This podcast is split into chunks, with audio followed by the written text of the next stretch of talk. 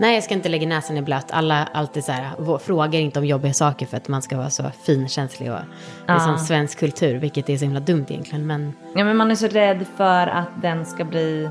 kränkt, förolämpad. Ja, precis. Det är ju känsligt såklart. Ja, det är Men det är också skitkänsligt. jävligt viktigt att kunna ta sådana Mm. snack.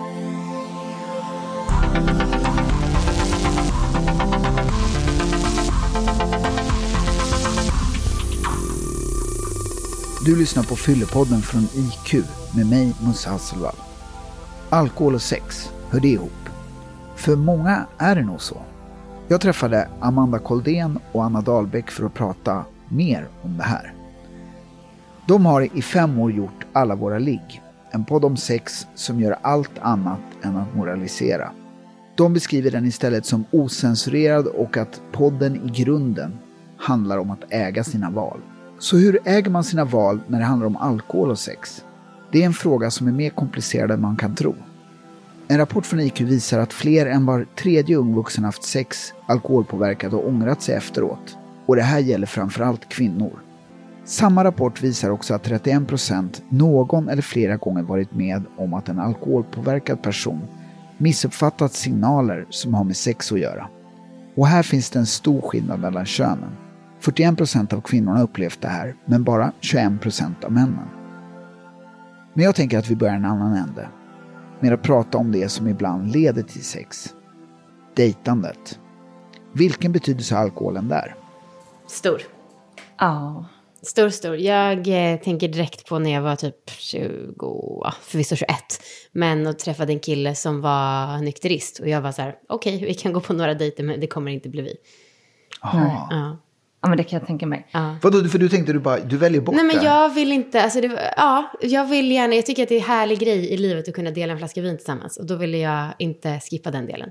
Alltså hade vi träffats i ett år och jag var superkär i honom hade jag inte dumpat honom för det. Men eftersom att det ändå var så pass nytt så tänkte jag, okej, då vet jag. Ja. Mm. Och, och, och hur gick det då? Blev det bara en dejt? Ja, det blev några, men det är inte honom jag är ihop med idag. Om man Nej. säger så. Det fanns ingen framtid. Nej. Nej. vi gick förbi ett ställe igår, eh, jag och Amanda, och jag pekade på en, ett café och sa, där var min sämsta dejt någonsin. Man ska aldrig fika på första dejten. För att jag, jag vet inte, jag tycker bara att alla dejter jag haft som varit bra har involverat alkohol.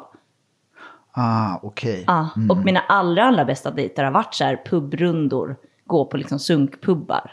Det har varit mina bästa dejter. Eh, men fika på dejten, nej. Funkar inte. Men vad är, vad är det liksom som, vad är det som är så viktigt med alkoholen? Alltså för min del skulle personen, vi skulle lika gärna kunna sitta och dricka alkoholfritt, alltså om vi båda inte visste om det. Så att det handlar inte om att berusningen måste nå hjärnan, men det är någonting, en vibe som skapas av att man Ja. vet att man dricker. Men som sagt, det behöver man inte göra på riktigt, men vi måste bara låtsas som att det är så. Ja, men det är någon så här skön känsla liksom att man, det är någon, man slappnar av bara man har ett glas i handen typ. Ja, men Som det är inte- förknippat med fest. Ja, Och så. och det funkar inte riktigt med en kaffe, tycker jag. På samma sätt. Man slappnar inte av på samma sätt. Även om så här, man har druckit en klunk så det spelar ingen roll om man är full eller inte. Eh, men det är just att man, man känner att man har den här tryggheten i att jag skulle kunna bli lite berusad och lite mer avslappnad om jag ville. Typ. Men sen så betyder ju inte det att alla nyktra dejter måste vara dåliga. Jag tänker att man skulle lätt kunna åka iväg på en aktivitet, till exempel när vi var på den här höghöjdsparken. Det hade ju varit en jättekul dejt och den är ju nykter. Men det är väl just det här med att sitta, alltså bara, bara prata. Då är det nice att ändå få en liten edge i form av vin eller öl. Är det liksom pressen på samtalet som gör skillnaden då? Jag, är, jag tycker inte att det är så jobbigt att prata, men jag tycker mer att det ger en festlig känsla. Att det piffar till. Mm. Ja, men jag håller nog med. Och jag tycker nog, ah, hade man, hade man gått på restaurang på första dejten, vilket är ju ett steg ännu värre än fika, tycker jag, och gjort det eh, liksom nyktert, eh, det hade nog varit ännu svårare faktiskt. Och jag vet inte riktigt varför, men det är väl, det är väl den där tryggheten i glaset, liksom. Låter man som en alkoholist nu? Jag vet inte, kanske lite. Nej, man får säga att det är ganska vanligt. Att man, man, man vill liksom ha den där tryggheten, tänker jag. Ja, jag upplever att det är härligt att gå och hålla i min öl. När man är på klubb eller på en bar. Och att det också kan vara härligt att ha den när jag dansar. Även om det, jag lika gärna skulle kunna ställa bort den så är det en, på något sätt en trygghet att jag håller i den. Men det är typ om det, är så här, om det blir stelt, om du känner nu vet jag inte hur jag ska röra mina höfter, då Ah. kan du alltid pausa lite genom att ta en klunk. Precis, Ja. och så tänker jag att det även kan vara på dejten. Ja, säkert. Mm. Men, och det, just det borde ju rimligtvis gå att översätta till Sprite. Verkligen. Ja, men ja, alltså jag fattar ändå vad du menar, men det är svårt att beskriva.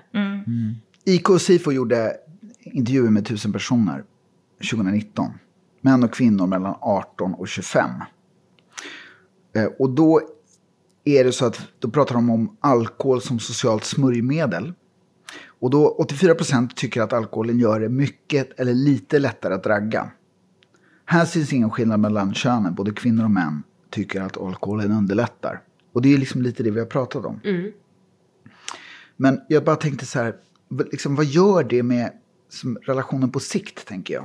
Om man träffar någon som vågar släppa loss när den har druckit och annars är jätteblyg. och så träffas man tredje dejten nyktra. Det blir ju skitsvårt.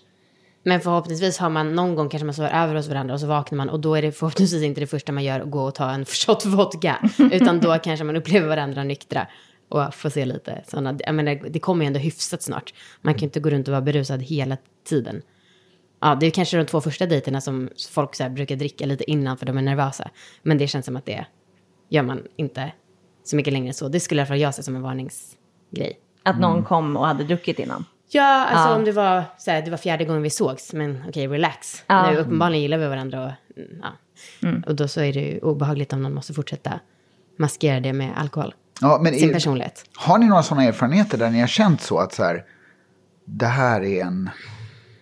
Jag tycker inte att jag upplevt jättemånga som kanske mm, dricker för att de är nervösa, men alltså jag har absolut träffat folk, killar som haft en jätteproblematisk in, relation till alkohol. Eh, och det har ju varit så här, men jag har googlat på AA och liksom, vad kan man göra? Men det blev ju, det tog ju slut. Och liksom en stor anledning har varit på grund av alkohol. Det var liksom, vi, det var så himla långt in på nätterna och vi rökte massa cigg i fönstret. Och sen var jag, jag brukar aldrig dricka när jag är bakis för jag tycker det är verkligen en sån, ta en återställare, är, det är alkat för mig. Eh, men då var det så här, ja ska vi dricka lite vin till lunch? Och jag bara, eh, okej. Ja, det var verkligen första gången typ någon föreslog det och jag bara, tyckte att det var så konstigt men ändå rycktes med Ja. Men hade ni en relation sen? ett tag. Ja, okej. Och hur fortsatte det? Samma sak då? Ja men som sagt, jag vill inte gå in på det så mycket men ehm, ja, det tog ju slut av bland annat alkoholmässiga skäl. När var det du reagerade först på det då menar du? Jo men det var ju bland de första dejterna. För jag tycker ändå, även om jag och min kille, nuvarande kille, drack våra första dejter. Det var liksom en helt annan vibe. Då båda blev glada, vi, hade båda, vi har båda ett inbyggt stopp. Och så här, nu kanske det är dags att sluta. Men då andra personer som har haft problem, de har inte ett inbyggt stopp. Och det liksom kan ju fortsätta hur länge som helst. Och man märker att de liksom lever upp på ett helt annat sätt när de får i sig alkohol. Vissa pratar ju om det som är alkisar, att så här, första gången jag drack alkohol var det som att en helt ny värld öppnades. Eh, och lite det tyckte jag man kunde märka på bland annat den här personen. Jag har haft samma, att jag har dejtat folk som har inte så problem, problem, men lite varningsklockor liksom. Jag själv har varit ganska analyserande kring mitt drickande, även om jag varit ändå så att jag har druckit mycket typ när jag var 20. Alltså, då blev det mycket liksom. Um, och det kan jag förstå i efterhand att typ mina föräldrar reagerade på och så.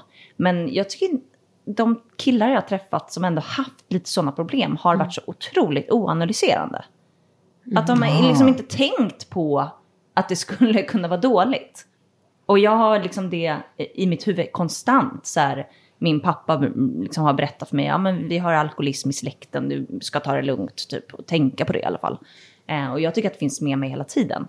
Men det finns så många killar jag har snackat med som bara inte har reflekterat överhuvudtaget. Men känner man inte det ganska tidigt också? Jo, precis. Alltså att det är liksom någonting som är bara lite konstigt. Ja, alltså vad, vad, är det för, vad är det för tecken liksom? Ja.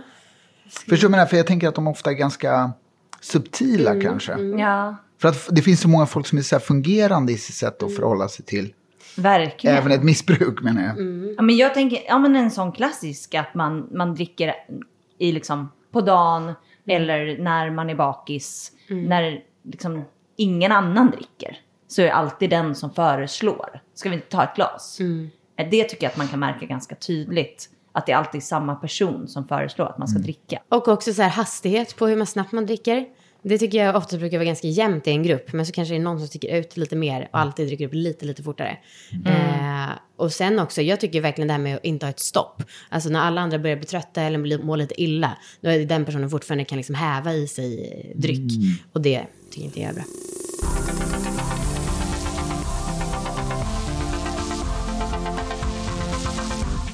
Jag vill gå tillbaka till en grej där som jag tänkte på just med graviditet. Att Hur upplever ni att det blir om ni inte dricker nu på grund av graviditet och er partner dricker? Hur funkar det? Ah. Alltså jag hade... eh, Nej men alltså jag hade ett snack med Marcus ja, typ något år innan vi blev gravida. Och vi blev, det var oplanerat. Eh, men typ ett år innan då hade jag sagt så här, om jag blir gravid någon gång då vill jag att du ska vara nykter med mig i nio månader. För jag kan inte tänka mig något värre att jag måste vara nykter och vara på liksom, sammankomster och liksom vara på fester med dig om du ska dricka och alla andra dricker och jag är själv. Då kommer jag troligtvis bli trött klockan nio och så kommer jag göra det tråkigt typ. Det tyckte han väl inte lät så kul. ehm, och förstod inte riktigt vad jag menade. Sen så, nu när jag väl är gravid, så har jag ändrat mig helt. Ja, är det så? nej, Ja. men för nu så tycker jag inte alls att det känns konstigt. Och det kanske är för att det är corona också. Men alltså jag är så otroligt osugen på alkohol just nu. Eh, och jag vet inte om det är min kropp eller hormonerna som gör det. Eh, men jag är så noll sugen. Vilket är asskönt för jag vet eh, att du Amanda inte känner likadant. Eh, nej men jag, vet, jag tycker som sagt corona, jag tycker att det är så få situationer där det dricks mer än liksom någon öl. Så att jag vet inte ens om jag kan uttala mig. Och sen min kille är inte jätte, alltså han dricker i sociala sammanhang typ när jag är med, men han är liksom, jag skulle, om han var gravid, då skulle jag säkert ta två glas vin till maten ändå. Men det gör inte han. Ja, jag längtar verkligen efter att dricka vin, men det är också en sån himla icke-fråga. Så att det är så skönt när man har tagit ett beslut, oavsett vad det handlar om ju. Och nu är det bara så, ah, nu dricker jag inte, okej, då är det så. Och det är bara skrivet i sten typ. Jo, men tycker inte ni att det kan vara sån obalans i om den ena dricker och den andra inte gör det? Alltså att det händer någonting med relationen, att man liksom blir lättare irriterad. Men det beror väl väldigt mycket på hur mycket och hur ofta. Alltså, jag och Viktor har tagit luncher ibland och då så kanske jag tar något glas vin och han gör inte det och det är ju inga konstigheter. Eh, och, och det kan det väl vara så någon gång i veckan. Men alltså hade han varit ute, eller jag, och druckit tre gånger i veckan med mina kompisar, ja, då hade jag tyckt det var jätteproblem. Ja, ja men det är ju just berusningen som blir, det blir liksom ojämnt. Och jag vet när min kille har varit liksom eh, full på tillställningar där jag inte har druckit så mycket, då jag blir ju irriterad. Ja. Alltså det går ju inte att låta bli. Jag tycker Nej. ju att det är störigt och liksom som att jag måste ta hand om honom, även fast han såklart klarar ju sig själv, han är ju en vuxen man liksom. Men det, ja, jag tycker det är skitirriterande. Har, och har liksom eh, Marcus uttryckt det samma åt andra hållet? Att han tycker att han behöver ta hand om dig när du är full istället? Inte på samma sätt, men det, han kanske tycker det men inte har sagt det. Mm. Men jag, jag tror att jag dricker också lite mindre än honom. Så att det har liksom inte riktigt varit något problem tror jag. Lätt för mig att säga kanske. Ni, ni dricker inte så mycket, liksom bara ni två. Vad är det som händer i liksom de där sammanhangen då som gör skillnaden? Ja, men det är kul för att jag, jag och Marcus har nog alltid sett oss som ett festpar. Vi har haft den kulturen i vår relation liksom. Och sen så har väl båda varit väldigt så lugna på vardagar. Eh, och inte sett något behov av att ta en öl eller ta ett glas vin typ till mat överhuvudtaget. Och inte liksom varit särskilt intresserade av det. Och det kanske är att så här, det var så vi träffades genom typ alkohol. Eh, att det har blivit våran grej lite. Och att man gör en, man blir en, man blir en duo som är då festig. Är det inte så också att vissa människor är som så här, det är bara det man gör med de personerna, dricker? Ja, verkligen. Men så har det varit, jag har en, en annan tjejkompis som vi har alltid setts på AVs och druckit tillsammans och det har varit skit nice. Och sen så blev hon gravid. Och då var vi så här, men Ja, vänta, hur, hur ska vi nu ses? och det, det var ganska kul de första gångerna att man får testa eh, något nytt. För vi har verkligen nästan bara sett och druckit. Eh, och då så drack vi liksom juice istället. och det funkar ju såklart lika bra.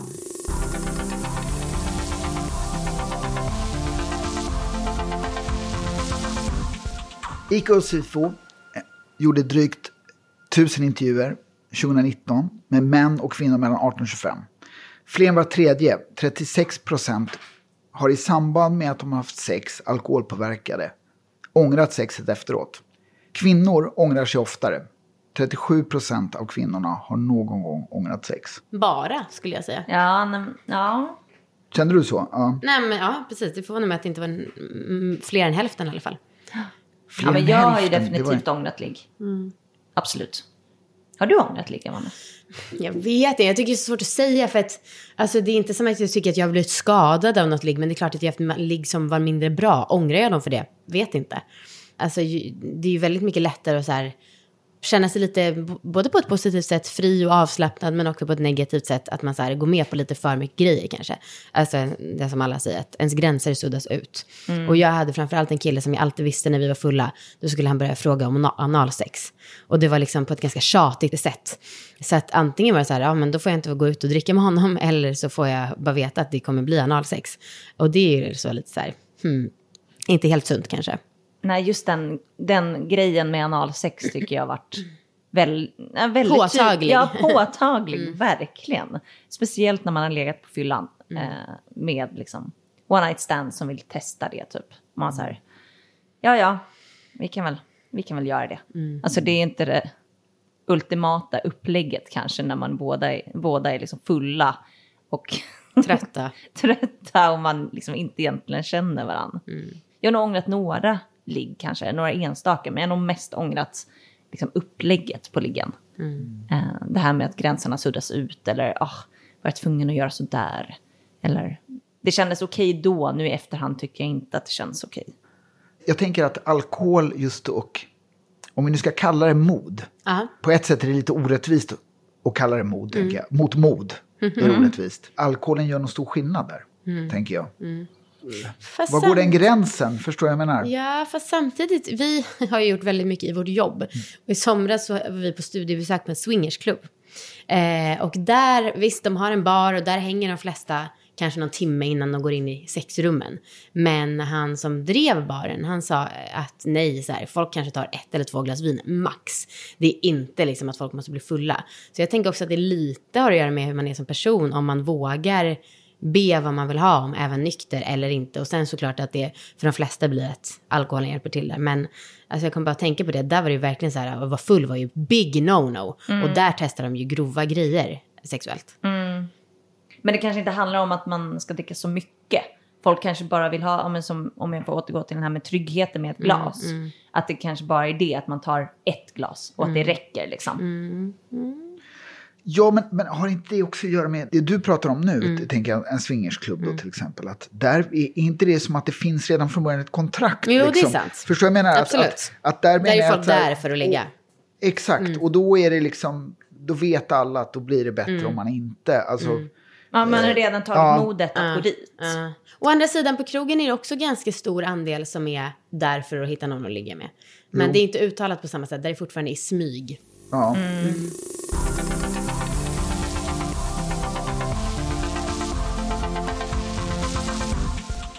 Jag vill gå tillbaka lite grann till eh, riskbruk.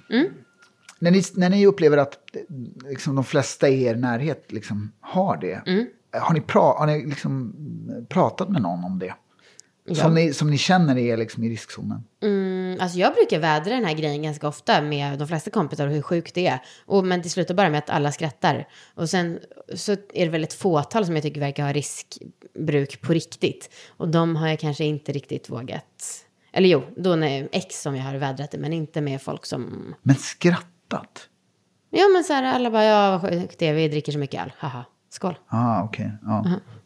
Det var enkelt. Ja, men så här, om det var så att någon, alltså jag vet inte, alltid tappade bort alla sina grejer, alltid gjorde grejer en ångrade, då skulle jag ta upp det. Men jag har inte så många sådana kompisar.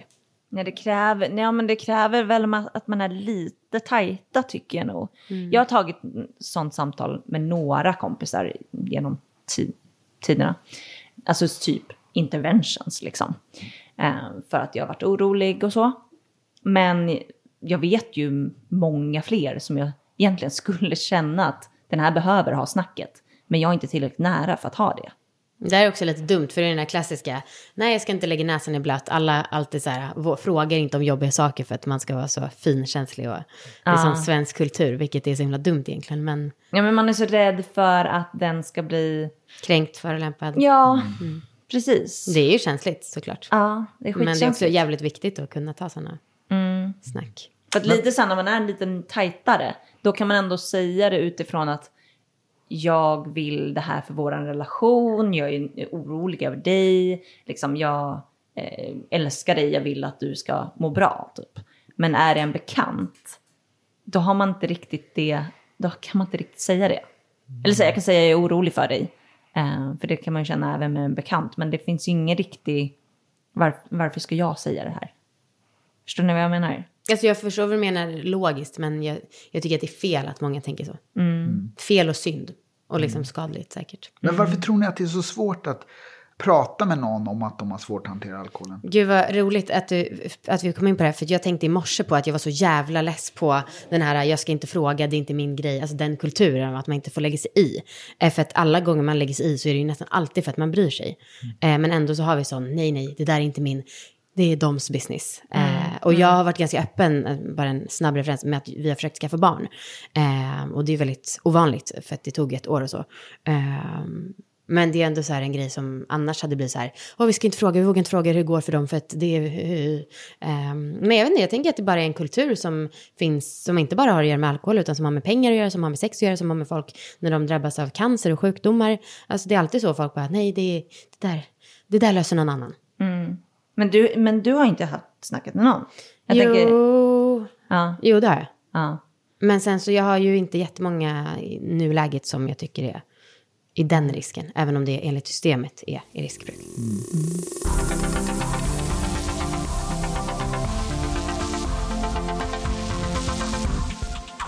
Och hur skulle ni säga att er relation till alkohol är idag? Toppen. Alltså, jag pluggade en halv sommelierutbildning förra året. Men jag skolkade för det var astråkigt. för det var så mycket teori och så.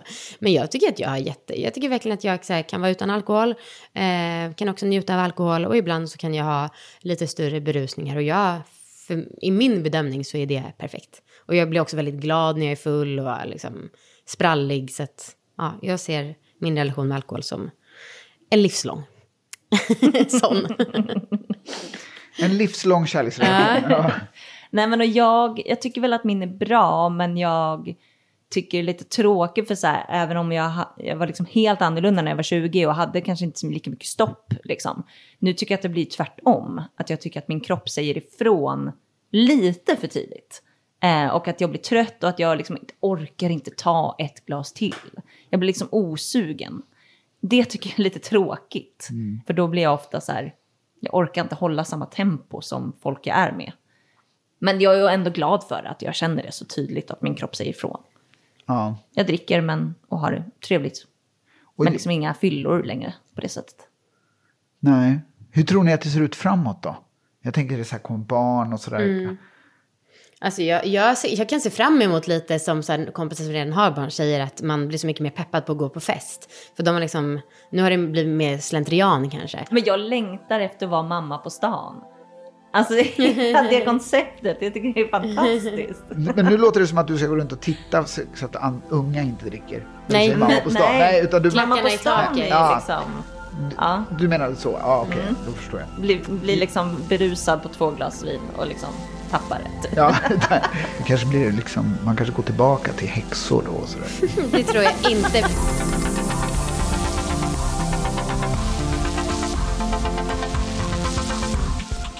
Du har lyssnat på Fyllepodden med mig, Musse Hasselvall. Det här är en podd som görs på uppdrag av IQ som verkar för en smartare syn på alkohol. Glöm inte att prenumerera på podden, skriv gärna en recension och ge ett betyg också. Det gör att fler hittar oss. Den här podden görs av Commercial Content och producent är Andreas Utterström och klipper gör Andreas Karlsson.